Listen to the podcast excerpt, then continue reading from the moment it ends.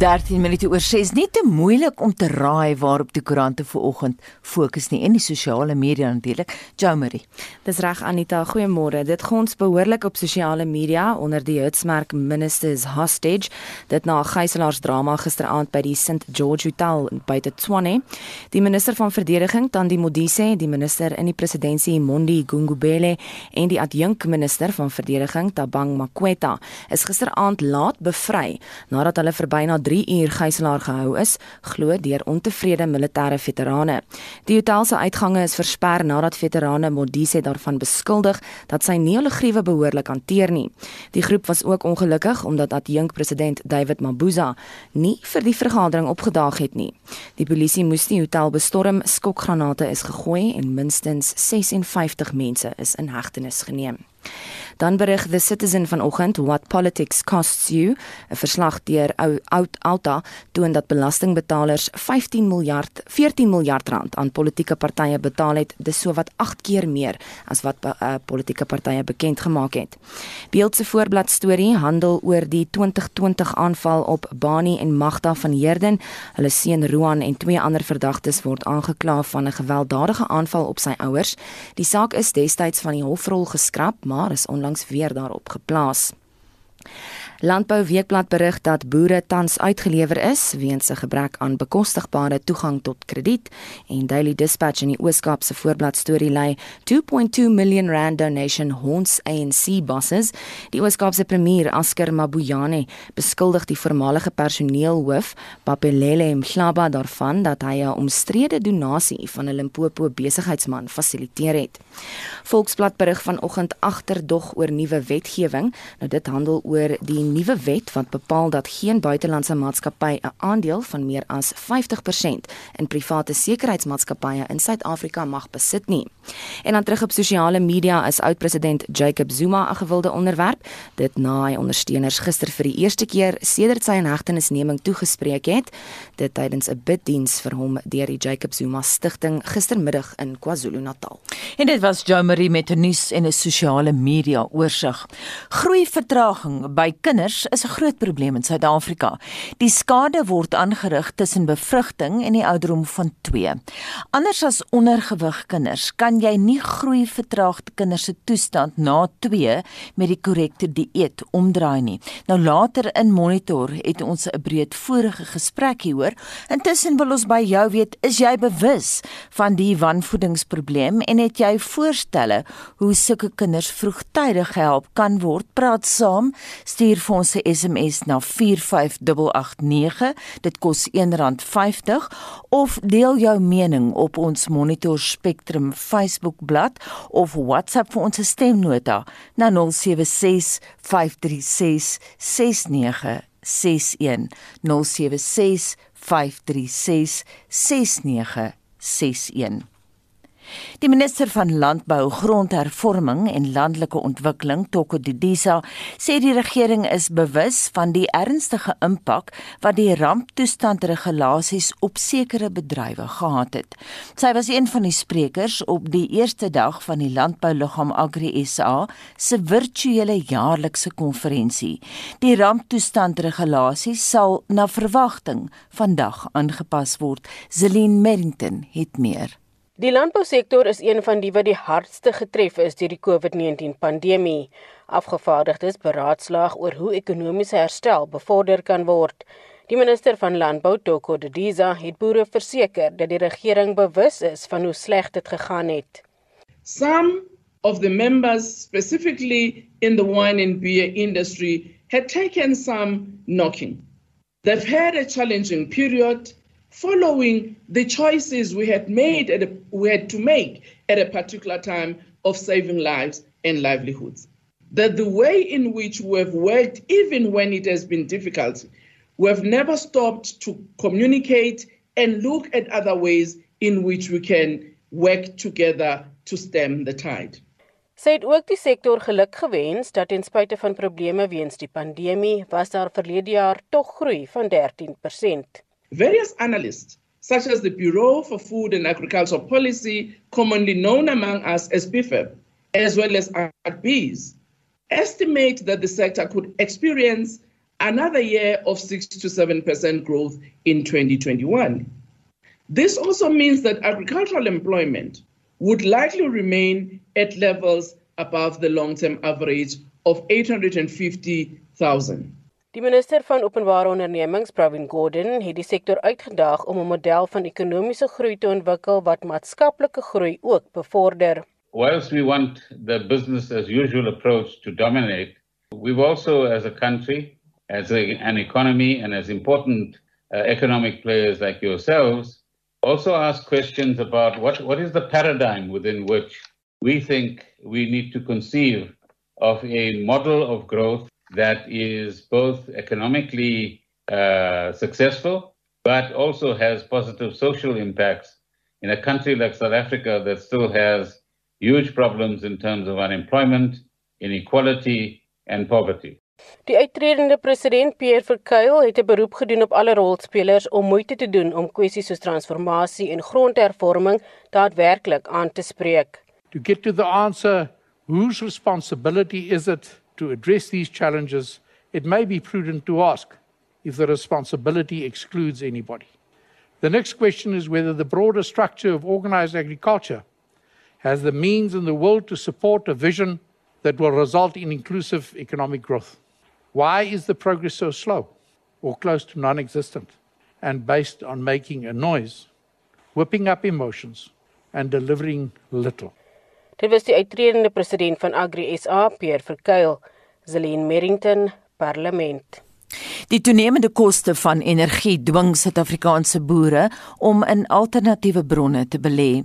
Die hoof van alternatiewe energieoplossings by Eerste Nasionale Bank, Kyle Darm, sê enige boer, ongeag die skaal waarop hy funksioneer, is afhanklik van elektrisiteit om sy saak te bestuur. Daar meer as net een probleem met Eskom op die oomblik in, in krag in Afrika en Suid-Afrika. Die een is kragkoste, die tweede is load shedding soos wat ons nou deurgaan in die uitbreiding van boere se besighede ens. En dan die derde ene is maar maar die wêreld se groei in groen. Kyk, alternatiewe energie kom al 'n lang pad. Die tegnologie is al in Suid-Afrika vir jare. Maar nou is dit op 'n punt waar die prys bietjie supply and demand volg Mm. Ons is nou waar tegnologie ook meer oplossings vir 'n kliënt kan gee. Ons het nou batterye wat vir langer kan hou, wat langer waarborge het en daai tipe ding en ook sonkragstelsel 'n goeie oplossing is en 'n baie moontlikhede kan oopmaak vir 'n boer. Kan ekstra krag gebeere word in Eskom se raamwerk? Krag kan gebeere word in Eskom se raamwerk. Eskom het 'n proses wat hulle noem banking. Dis 'n applikasie eh, wat jy moet deurgaan as jy krag kry van Eskom direk. En wat dit toelaat is jy kan krag terugvoer in die grid in in jou sê laaste seisoene van krag gebruik om weer later in jou hoogseisoen van krag verbruik weer terug te kry. So dis 'n kredietstelsel, dit is vir 12 maande en dan na die 12 maande periode op is dan skakel dit na terug na 0 toe. So jy moet net al die krag gebruik en jy moet net in 'n net betaalbare posisie wees op die einde van daai 12 maande siklus. Hoe spaar 'n mens geld met groen energie in landbou? Die eerste manier hoe 'n mens eh, geld spaar is die direkte kragbesparing wat jy kry. Daar sonkragstelsels wek sy eie krag op en jy het 'n besparing wat jy dan kry wat jy jy trek nie soveel krag by Eskom of die munisipaliteit nie. Kyk, die tweede manier is nou het ons nou deurgaan met load shedding of kragonderbrekings as daai dieselkrag uh, opwekkers uh, hardloop en hulle is vreeslik swaar op brandstof. Dis die tweede manier as jy nou 'n sonkragstelsel gebruik vir load shedding of of om kragonderbrekings te help. En dan regtig die derde manier is daar's 'n groot belastingvoordeel uh, wat jy kry as 'n besigheid om sonkrag in jou operasies in, dit te sit en dit uh, laat toe dat jy 100% kan afskryf van die kapitaalkoste in die eerste jaar. So as dit 'n 10 miljoen rand se sonkragstelsel is of wat ons sê 'n miljoen rand se sonkragstelsel is dit 'n 270 000 rand se belastingvoordeel wat jy kan kry in die eerste jaar wat baie goed is. So dis maar half die drie groot maniere wat ons sien hoe mense geld spaar met groen energie. Kyle, maar wat daarvan is dit nou heeldag reën? Kyk, as 'n verskaffer inkom en kyk om 'n sonkragstelsel in te sit vir 'n kliënt, hulle sagte waarde wat die laaste 25 na 35 jaar se weerpatrone in ag neem. So hulle kan vir jou nogal goed voorspel wat daai sonkragstelsel gaan doen oor 'n jaar. Ja, ons sal miskien sien in tye van reën die sonkragstelsel wek nie soveel krag op nie, maar oor 'n jaar se tydjie gaan hy definitief vir homself kan betaal. En dis die ander rede hoekom off-grid maar bietjie moeilik is want jy kort eintlik 'n Eskom om jou te help in daai periode van reën of waar dit bewolk is. En so sê Karl Darm, hy is hoof van alternatiewe energieoplossings by Eerste Nasionale Bank en hy het met Mitsi van der Merwe gepraat. 56 voormalige MK Apla en Azanla lede sal na verwagting vooroggend op 3 klagte van ontvoering in die hof verskyn. Dit is nadat hulle gisteraand na bewering twee ministers en 'n adjunkminister gijslaar gehou het. Die groep het ook daarop aangedring om president Cyril Ramaphosa te sien. Heinrich Weingart het meer besonderhede. Die minister van verdediging en militêre veterane Tandi Modise, Harad Jink Tabang Makwetla en die minister in die presidentskap Mondli Gungubele het met die militêre veterane van die ANC, PAC en APLA vergader. Dit was oor die groep se eise vir beter lewensomstandighede en die uitbetaling van vergoedingspakkette waarop hulle meen hulle geregtig is. Vroeger die week het die groep ook die ANC se hoofkwartiere Lutuli huis binnengedring. Maar gisterand het sake 'n dramatiese en spanningsvolle wending geneem toe hulle nie met die ministers tot 'n vergelyk kon kom nie. Die polisie moes die St George's Hotel in Irene, waar die vergadering plaasgevind het, bestorm om die ministers te bevry, alders die polisie woordvoerder, brigadier Vish Naidu. When we got here and when we tried to negotiate with the hostage takers and when the negotiations had failed, we successfully penetrated the room where these at least two ministers, cabinet ministers and a deputy minister were allegedly taken hostage. We have since arrested 56 people, including seven women. No shots were fired, but while processing the suspects, we received reports that three people needed medical treatment. Two of them were complaining of pains, one was complaining of an injury. Those 56 suspects that are currently in police custody are likely to face charges of at least three counts of kidnapping. Na 'n aantal ure as gijslaer het Gungubele aan die SAK verduidelik wat gebeur het. We could not agree on how the meeting should take place. We reached a point where I thought we are, we were agreeing that it should adjourn. As we were leaving the meeting, proceeding to the doors, they closed the doors. It is at that point when we realized that we were held hostage. It's a situation which was averted by the security forces We want to thank Minister Pekicele and all other security forces, whatever praise that was involved, for prompt and timeless intervention. And uh, we expect the law to follow its course in dealing with the behavior of this nature. Die ANC was as regerende party versigtig met sy reaksie op die gebeure. Pulemabe is die beweging se nasionale woordvoerder. We want to make sure that there is peace in the country. We resolve the problems that combatants facing. We are sure that, that the role they play towards fighting for our freedom is being embraced by everyone. This is what we are standing for. And that is the national government. Intussen sal die president na verwagting vandag in Mabopani by die Pretoria voortgaan met sy stemwerwery vir die komende plaaslike verkiesing. Hy sal waarskynlik deur die media oor gisteraand se gebeure uitgevra word. Ntebo Mokobo het hierdie verslag saamgestel en ek is Hendrik Weingart vir SAK nuus. Die premier van die Wes-Kaap, Allan Windey, sê die opsie om 'n interregeringsgeskil aanhangig te maak kan 'n werklikheid word. Die provinsiale ministerie van gemeenskapsveiligheid het die 2020-2021 polisie prioriteitsverslag bekend gemaak. Windey vra lankal reeds vir die afwendeling van mag na die provinsie om onder meer besluite te neem oor die begroting en ontplooiing van hulpbronne op 'n plaaslike regeringsvlak. Tanya Krause doen verslag. Premier Ellen Wendy sê hoewel daar 'n opbouende verhouding met die provinsiale polisiekommissaris is en hy hardwerkende polisielede geloof het vir hulle diens, is daar reeds vir baie jare geen verbetering in die polisieontplooiing en hulpbronne na die provinsie nie. Die provinsiale minister vir gemeenskapsveiligheid, Albert Fritz, het die verslag bekend gestel en gesê van die grootste kwelpunte is 'n tekort van meer as 11700 polisielede op grondvlak. Fritz sê in die laaste 2 jaar was daar geen nuwe rekrute nie, terwyl honderde hoogs opgeleide lede afgetree het. Die nasionale verhouding van polisielid tot burgers is nagenoeg 1 tot 400, maar in die Wes-Kaap is dit 1 tot meer as 500, met sommige gebiede waar dit soveel as 1 tot byna 900 mense is. Hy sê die suksesvolle vervolging van misdade is ook 'n bron van kommer, aangesien daar 'n tekort van 548 speurders is. 48% van hierdie um speurders het um jy weet dosiere af en vlakke van dosiere wat tot 200 dosiere op 'n tyd per persoon is en mens kan mos nou nie geregtigheid aan aan dit doen nie. En dan die laaste punt wat ons net gou wil doen dat 45% van nuwe speurders wat aangestel word het nie die basiese speurder opleiding program voltooi nie. En mense kan nie glo dit is so nie. En dis die rede waarom ons so 'n swak vervolgings um um rekord het in die howe waarom mense nie tronk toe gestuur word vanweë die hele aangeleentheid nie. Wendy sê hy wag gretig op die minister van polisie se beloofde besoek en sê sy ondanks sy stellings dat die provinsie die grootste deel van hulpbronne ontvang, is gestroop van die waarheid. Tydens 'n Imbizo Vrydag het Bekkie Cele daarop aangedring dat die provinsie voorkeur geniet met hulpbronne. The first province where we created a anti-gang unit and a very high expense this team is one of this province is one with the, the taxi task with the taxi task team this is a team that in a minimal way we are looking very closely on the question uh, of of kidnapping.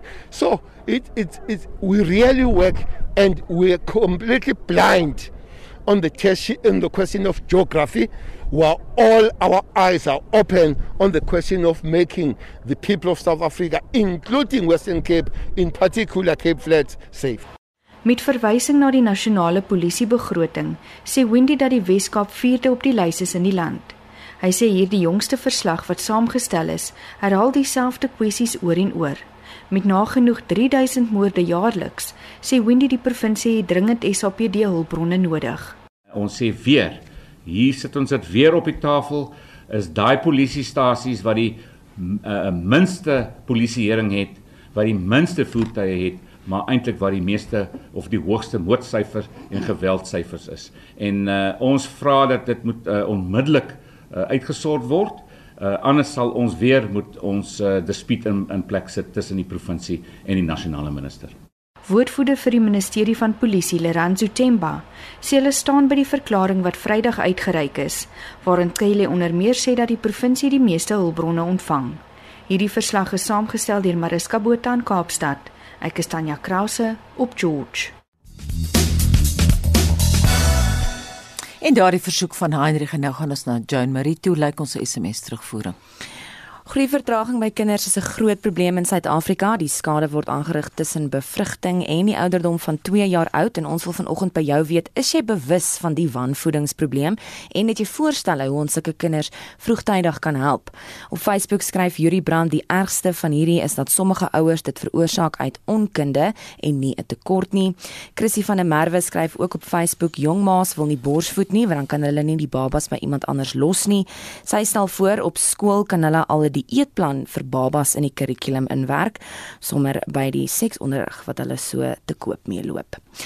En dan stuur Jeremy van Pretoria vir ons 'n SMS. Ek stel voor dat jy aan die kinders se groei dink voordat jy enigsins kinders in die wêreld inbring.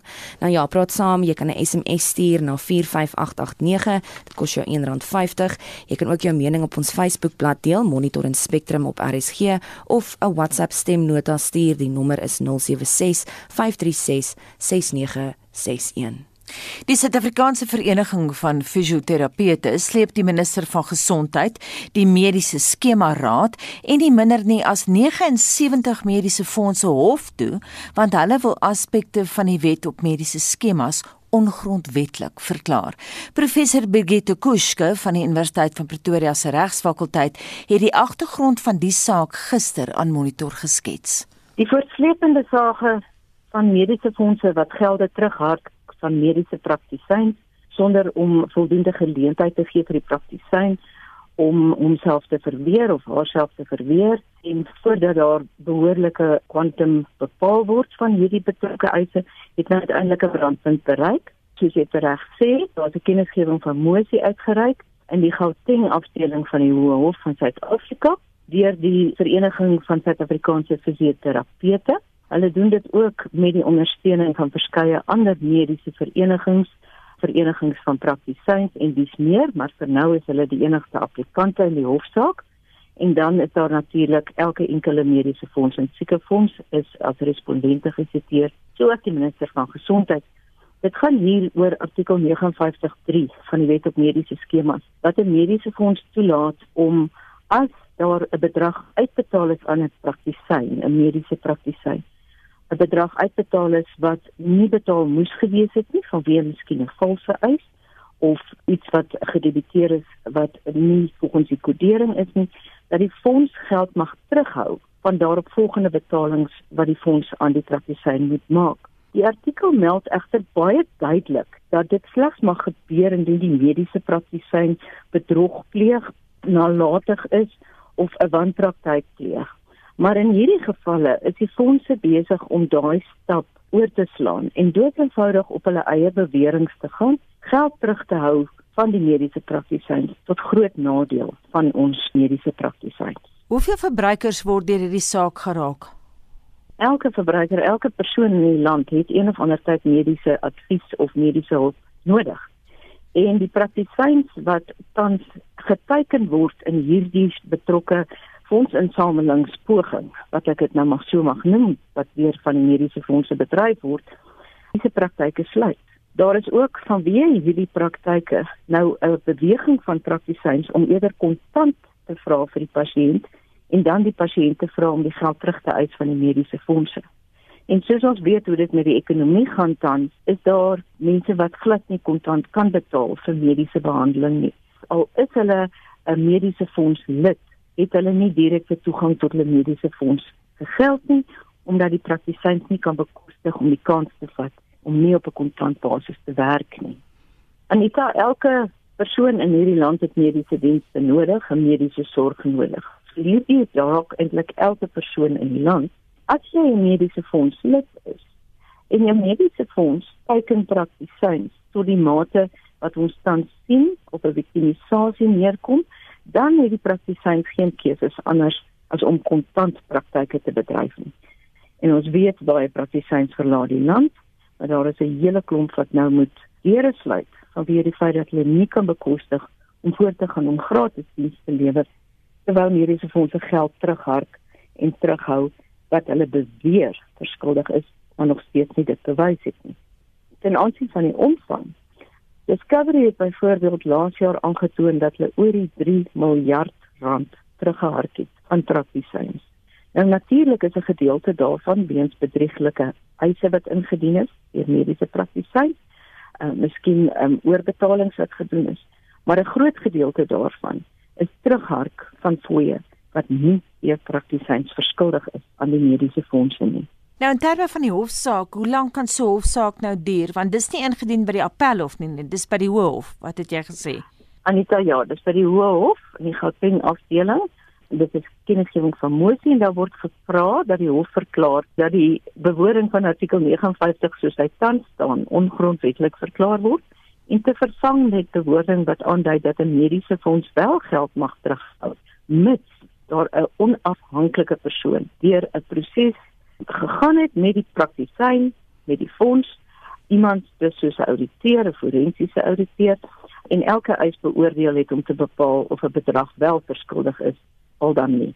So 'n saak kan 'n hele paar maande duur, dit mag dalk oorgaan na 'n jaar of twee maar vir nou moet die antwoord deur die mediese skemas redelik vinnig ingedien word by die hof en natuurlik is daar 'n tydsbeperking en dan moet binne 15 dae kennis gegee word deur hierdie 79 mediese fondse die minister van gesondheid en die mediese skemas die raad op mediese skemas binne 15 dae kennisgewing gee dat hulle die aansoek opneer in die hof En nog 'n belangrike hofaansoek betrek uh, COVID en Santam. Vertel vir ons daarvan. Ja, laas jaar was uiters opwindend in aansien van die versekeringsake wat gebring is in die howe vir besigheidsonderbrekingseise, waar die versekeraars nie weens die COVID grendelsluiting besigheidsonderbrekingseise wou uitbetaal nie. En al die howe in die land kan ons nou ruiterlik sê, het die versekeraars verloor ten aansien van hulle saak dat hulle nie aanspreeklik is om besigheidsonderbrekingseise uit te betaal nie. Santam was die een wat laaste vasgebyt het. Hulle was in die appelhof. Hulle het geappeleer teen die beslissing dat hulle wel moet uitbetaal en die appelhof het in die guns van die versekerdes met ander woorde die polishouers bevind. Die appelhof het ook in 'n redelike sterk bewoorde uitspraak Santam oor die vingers gerap oor die swak bewoording van hulle polisse en die feit dat dit moeilik is vir die algemene man op straat om te bepaal wat sy versekeringsdekking werklik is. En so sê professor Birgitte Kuske van die Universiteit van Pretoria se regsfakulteit wat gister met Monitor gepraat het. Die Inani Staatwil Stichting se aanleg op Springs aan die Oosrand begin volgende week om op groot skaal voedsame ontbyte vir sowat 200 000 kinders in arm gemeenskappe te produseer. Die fokus is op kroniese wanvoeding en vertraagde groei. En ons praat nou met die uitvoerende direkteur van die Inani Staatwil Stichting, Org van der Walt. Goeiemôre Org. Hallo Anita. Geef ons skets vir ons 'n prentjie oor traag groei by kinders. Anita, ons weet almal kindertjies groei in die eerste 4 jaar van hulle lewe. Dis plus minus hulle eerste 2000 dae. Groei hulle nou die heel vinnigste. Dis wat die groeikurwe nou regtig goed optel. En ons weet nou daai kindertjies moet groei van 0 na 1.5 meter hoog. En as jy die sommetjie gaan maak, dan moet daai kind ongeveer 0,5 mm groei elke dag van sy lewe. Hm. Om dit nou te kan groei, moet hy mos nou nutriënte hê om daarby uit te kom. Hy kan nou nie eergister se nutriënte gebruik om vandag te groei nie, want hy het dit mos nou eergister opgebruik. Dit is nou wat in die arm gemeenskappe ek kan wel sê dat ons verstaan eintlik hierdie begin vir baie goed. Want in ons tuine en ons landerye, ons kleinveeplase en ons veeplase is dit tog waar alles begin. Maar baie van ons arm gemeenskappe in die huishoudings kry van daai klein groeiende kinders pap en sous of suiker en pap mm. in die mm. oggende. En daai goed het maar baie lae nutriënte inhoud, spesifiek proteïene ehm um, en sekere vitamiene en minerale ook. Nou wat hulle dan praat is nou hierdie term van stille honger. Die kind het ietsie in sy maagie maar daar's nie nutriënte in sy maagie nie. En dit dit lei dan tot belemmerde groei. Hy het nou nie daai 0,5 mm vir 'n tyd lank gekry nie. Nou die Engelse noem dit child stunting en in ons land baie min mense praat daarvan. Dis ongeveer 30% van ons kinders ly aan vertraagde of belemmerde groei. Dis 'n fenomeen. Nou dit is wat ons nou probeer aanspreek. Nou maar die interessante ding is dan is daar sosiale vang, vangnette wat bestaan by ons kleuterskooltjies en by ons skooltjies waar kindertjies versorg word, liefde kry, maar ook nutriënte aangevul moet word wat die eier ouerhuis nou nie kan bied nie. Maar ek weet nou nie wanneer laat jy by een van daai kleuterskooltjies was, veral hier seer hier agter in die oggende as hulle nou pappies kry nie. Mm. Weet jy, daai pap is eintlik 'n suikerwatertjie ehm um, wat so opgedis word en hulle betaal ongeveer 50 sent wat 'n porsietjie kos. Ehm um, Anita, wanneer laas het jy 'n chappie gekoop uh, by 'n by 'n winkel? Het jy idee wat kos 'n chappie? nee, ek weet tog al nie. Hy is 60 sent. Dit is dit is wat aan die gang is. Jy weet so En dit is wat ons nou uh aanspreek. Kan ek kan ek sommer nou verder gaan of Ek wil jy... vinnig ek wil vinnig hier inspring. En vir jou vra, jy verwys nou na die pap en die soetgoed. Mens met jy sien te veel soetgoed vir kinders gee nie. Maar is daar spesifieke voedselsoorte wat sou kon help en wat goedkoop is? Ek dink nou aan byvoorbeeld eiers. As ons eiers vir hierdie kinders kan uitkry, dit is die Ferrari. As ons dit kan kry, Daar's 1.7 miljoen kinders in ons land wat in vertraagde groei ly.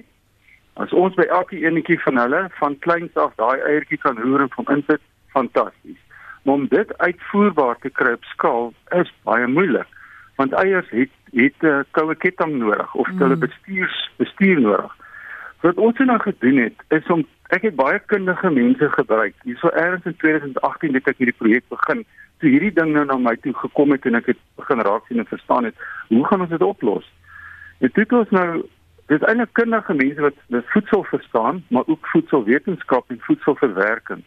En ons het 'n gereg bymekaar gesit waar dan nou 'n klomp, as ons nou nie kan eier gee of 'n worsie in die oggend gee nie, dan het ons nou vier heelgrane. En kyk jy moet mos nou die koring kiem, die kiem gedeeltes van die graan, jy kan nie net die stysel of die meel gee nie So ons het vier heelgrane, ons het twee peulgewasse in die gereg en dan het ons 'n hele klomp melkprodukte wat daarin gaan want daai wy proteïene en die vette wat die saam gaan, dis essensieel vir die kind. Nou dit het ons dan nou ingesit in gereg en die harde werk was om my tekstuur reg te kry want kinders is regtig vreeslik passensitief. Hulle eet nie sommer enige ding. Jy kan enige iets in 'n kitsgereg vir hulle insit en dink hulle gaan eet nie, veral as jy nie baie suiker in sit nie. So dis hoe ons die oplossing en ons het 'n baie gebalanseerde gereg met ons benadering. Maar wat nou gebeur het, nou is die ding duurder. Hy's nou duurder as daai 50 sent chappie norm gereg wat hulle eet. Nou het dit heeltyd gelyk dat orges besig om mense hoop geld te maak hier so uit arme mense uit. En dit is eintlik wat my opgewonde maak dat ek toe eintlik gedwing was om te gaan kyk na die sake model wat ons gebruik. En ek het net eendag het ek vir Jolandi gesê ons gaan nou hierdie ding verander van alles in 'n non-profit doen. En nou so dit het ons die stigting gestig. En weet jy die uitkomste daarvan, dis die belangrike dinge vir my. Twee goedes het gebeur. Ons het nou deursigtigheid, totale deursigtigheid. Ons resep is op die oomblik nie geheim nie. Die kostes van die produkte binne is nie geheim nie. Die wins wat ons maak as ons ons produkte verkoop by daai fabriek het, is nie geheim nie. Ons praat in elk geval baie gemaklik daaroor as mense wil sien, maar hoekom kos 'n gereg R2.50? Wat is binne-in? En die ander interessante ding is die resepte samestelling, die doel van 'n resep samestelling. Weet jy, resepte is maar geheim, want dit is maatskappye maak geld met resepte. En hulle wil nie eintlik hê ander ouens moet hulle hulle hulle resepte naboots nie. So ons resep se doel is nie om geld te maak vir die aandeelhouers nie. Ons stigting het beneficiaries. Dit is hmm. eintlik mos wat is die Afrikaans vir beneficiaries is ehm um, maar in elk geval Be begunstigdes. Begunstigdes, ja. dankie. Org, jy sou 'n bietjie met klaarmaak, nê, nee? as jy net ja. daai gedagte van jou kan voltooi. Ja, hier dis die belangrike klemverskuiwing. Met ander woorde, deursigtigheid, wat is binne in die resep, wat kos hy? En dan hoekom maak ons 'n resep om die begunstigdes te dien, nie die aandeelhouers nie? Dis wesentlik en dit gaan die bedryf verander volgens my vir arm kinders. Baie dankie en alles sterkte met julle werk dit dan Org van der Walt. Hy is uitvoerende direkteur van die Inani Staatwil Stichting en ons bly by die onderwerp en praat nou met twee dieetkundiges. Ons gaste is die president van die Dieetkundige Vereniging van Suid-Afrika, Maria van der Merwe, en dan ook Sanja Nel wat besig is met haar doktorsgraad in dieetkunde aan die Universiteit van Pretoria. Sy doen navorsing oor kos vir babas wat reeds by geboorte vertraag groei het. Goeiemôre dames. Goeiemôre. Maria, kom ons begin by jou. Ehm um, wat is die verskil tussen dieetkunde en voedingkunde? O, oh, dankie vir die vraag Anita, want dit is nogal iets wat wat wat regtig nie baie duidelik is nie. So op die op die meer formele vlak is dit hoe ons geregistreer is by die die Health Professions Council of South Africa wat ons beroepsraad is vir die mediese professies. So as 'n geregistreerde dieetkundige het jy 'n baie spesifieke ehm um, Och, nou vind ek ook nie my Afrikaanse woord nie scope of practice. Hmm. Ehm um, wat bepaal wat jy wat binne jou professie gedoen word en dan 'n voedingskundige is ook geregistreer by dieselfde raad, maar hulle het 'n verskillende ehm um, uitkyk of uh, fokuspunte in hulle beroep. So baie kort om dit eenvoudig te verduidelik is in die eetkunde kyk ons na ehm um, aspekte van voeding van geboorte tot uh, bejaardesorg maar ons kyk ook na die uh, mediese voedingkomponent met ander woorde die behandeling van siektestoestande deur voeding. Terwyl in voedingskunde nutritionist um, se ehm um, praktyk is meer gefokus op hierdie van swangerskap na geboorte, jonkind, groeiontwikkeling, tiener, volwassene, bejaarde en meer met 'n gemeenskapsfokus. Met ander woorde, ehm um, die hele komponente van uh, toegang tot kos, ehm um, netwerke en voeding, hulle werk nie met die siekte deel mm -hmm. van voeding nie. Sanja, wat is wanvoeding? Okay, wanvoeding is 'n baie breë term wat enige tipe van voeding insluit wat nie voldoen aan 'n persoon se behoeftes nie. So ons kan dit nou in breë trekke verdeel in oorvoeding waar 'n mens te veel van 'n voedingsstof inkry of ondervoeding. En hierdie twee loop eintlik baie gereeld hand aan hand in Suid-Afrika waar ons 'n situasie het waar ons baie keer oorvoeding het aan energie, aan ehm um, verfynde koolhidrate, suikers en so aan en terselfdertyd wanvoeding, ondervoeding het in mikronutriënte, vitamiene, minerale, proteïene en ander belangrike voedingsstowwe. Kom ons praat 'n bietjie oor ons uh, SMS vraag vanoggend. Ons wil praat oor vertraagde groei by kinders en so aan. Hoe kan 'n mens daai prentjie omdraai? Wat moet jy vir jou kind gee? Maria. Dankie Anita. En ja, dit is as kom jy vertraagde groei, is dit is dit bietjie meer kompleks as wanneer jy byvoorbeeld 'n uh, akute onderbreking het weens sosiale omstandighede of siekte en daar's vir 'n akute oomblik 'n dag of 3 of 'n week wat 'n kind nie genoeg kos kry nie. So as dit kom by vertraagde groei, dit is 'n kroniese probleem. Met ander woorde, dit is selfs van swangerskap af die mamma nog die baba verwag het teenoor jong ehm um, as baba as kleuter kleuter en kons konstant nie genoeg kos kry nie. So as ons kyk na vertraagde groei, gaan dit nie net oor wat mamma vir die kind kan gee nie, maar dit gaan oor 'n hele stelsel ekonomies um, in terme van wat jy kan bekostig, wat is beskikbaar, wat is op die rak, waartoe het jy toegang. Ehm um, so dis kyk daar 'n uh, basies 'n uh, dieet van verskeidenheid as 'n groot beginsel. So heel aan die begin as 'n uh, uh, nuwe uh, lewetjie in die wêreld kom, dan is die ander siening dat ons borsvoed vir die eerste 6 maande. So borsvoeding is die optimale voedselsekuriteit. Dat babatjie het toegang tot alles wat hy nodig het in terme van voeding saam met versorging. En na 6 maande wil ons dan begin addisionele kos inbring in die dieet saam met borsvoeding. En dis waar verskeidenheid die groot geheim is, want alle verskillende voedsel dra verskillende nutriënte by. Hmm. Ehm um, So hoe meer verskeidenheid jy in die dieet kan inbring, hoe groter is die kans dat jy op die ou end al die nutriënte wat nodig is vir optimale groei gaan inbring. Maar ongelukkig word dit gekompliseer deur toegang beskikbaarheid bekostigbaarheid in 'n land soos Suid-Afrika waar ons 60 miljoen mense het wat so 'n diverse sosio-ekonomiese landskap is en nie almal het dieselfde voorregte en en toegang tot kos. Hmm. Sanja, vinnige ja of nee, kan oorgewig mense wanvoed wees? Met ander woorde, hulle eet die verkeerde kos. Absoluut ja. Mm. On, ongetwyfeld ja. En, en dan 'n tweede vraag wat aansluit by die vorige onderhoud. Jy het nou self geluister na wat Org van der Walt vir ons gesê het. Ons weet die privaat sektor is nou betrokke by die ete vir kinders en so aan, maar hoe kan die staat betrokke raak? Is die owerheid genoeg betrokke by wanvoeding van kinders in Suid-Afrika? Ek dink van my kant af is is is, is dit 'n ja. Ehm um, daar's daar's nooit genoeg nie want die die probleem is kompleks. So dit is soveel sektore wat betrokke is. Van die departement van maatskaplike ontwikkeling af is daar 'n maatskaplike toelaag. Van die departement van gesondheid af is daar programme vir akute wanvoeding, daar's voorligting, daar's inligting, daar's gemeenskapsgesondheidswerkers wat wat ehm um, groei monitering doen en en moet verwys as daar opgetel word dat 'n kind nie goed groei nie van die departement van um, basiese opvoeding af is daar inligting oor voeding, daar's die nasionale skoolgesondheidsprogram.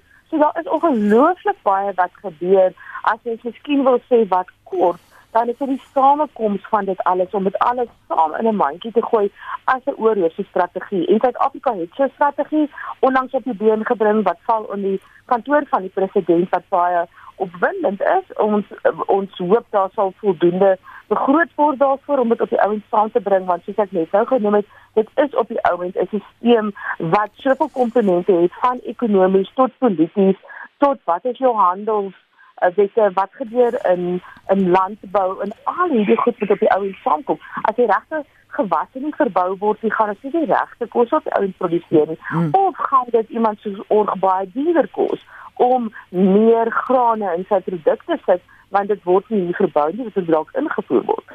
So uh, ja. Baie baie dankie saam met Haltroep daar ons het vanoggend gepraat met Sanja Nel wat haar doktorsgraad in dieetkunde aan die Universiteit van Pretoria doen en ek het ook gepraat met Maria van der Merwe sy is president van die dieetkundige vereniging van Suid-Afrika. Jamari Janine Smith deel haar storie op Facebook met ons. My eerste kind het 8 pond 14 ons gewig dis net so onder die 4, 4 kg en 'n allergie gehad vir suiwelprodukte. Hy was op sojamelk. Op 'n maand het hy soos 'n 3 maande oue baba gelyk. Hy was altyd honger. Op 2 weke het ek pap by sy melk gevoeg. Dit het nie gehelp nie. Na 'n maand moeg gesukkel het my ma die klein blikkies gemengde groente van koe deur 'n sif gesit met 'n titsel mamaat en 'n bietjie melk gemeng en sien daar, my hongerkind was versadig. Aangepas het ons by die dieet begin ander groente sag gekook begin byvoeg, uh, soos byvoorbeeld pampoen. Daarom um, is groente vir my vir 'n baba baie belangrik. Ek het nooit enige baba kos gekoop nie. Ek het alles self gekook. Onthou, jy begin met klein hoeveelhede en pas na baba se behoeftes aan.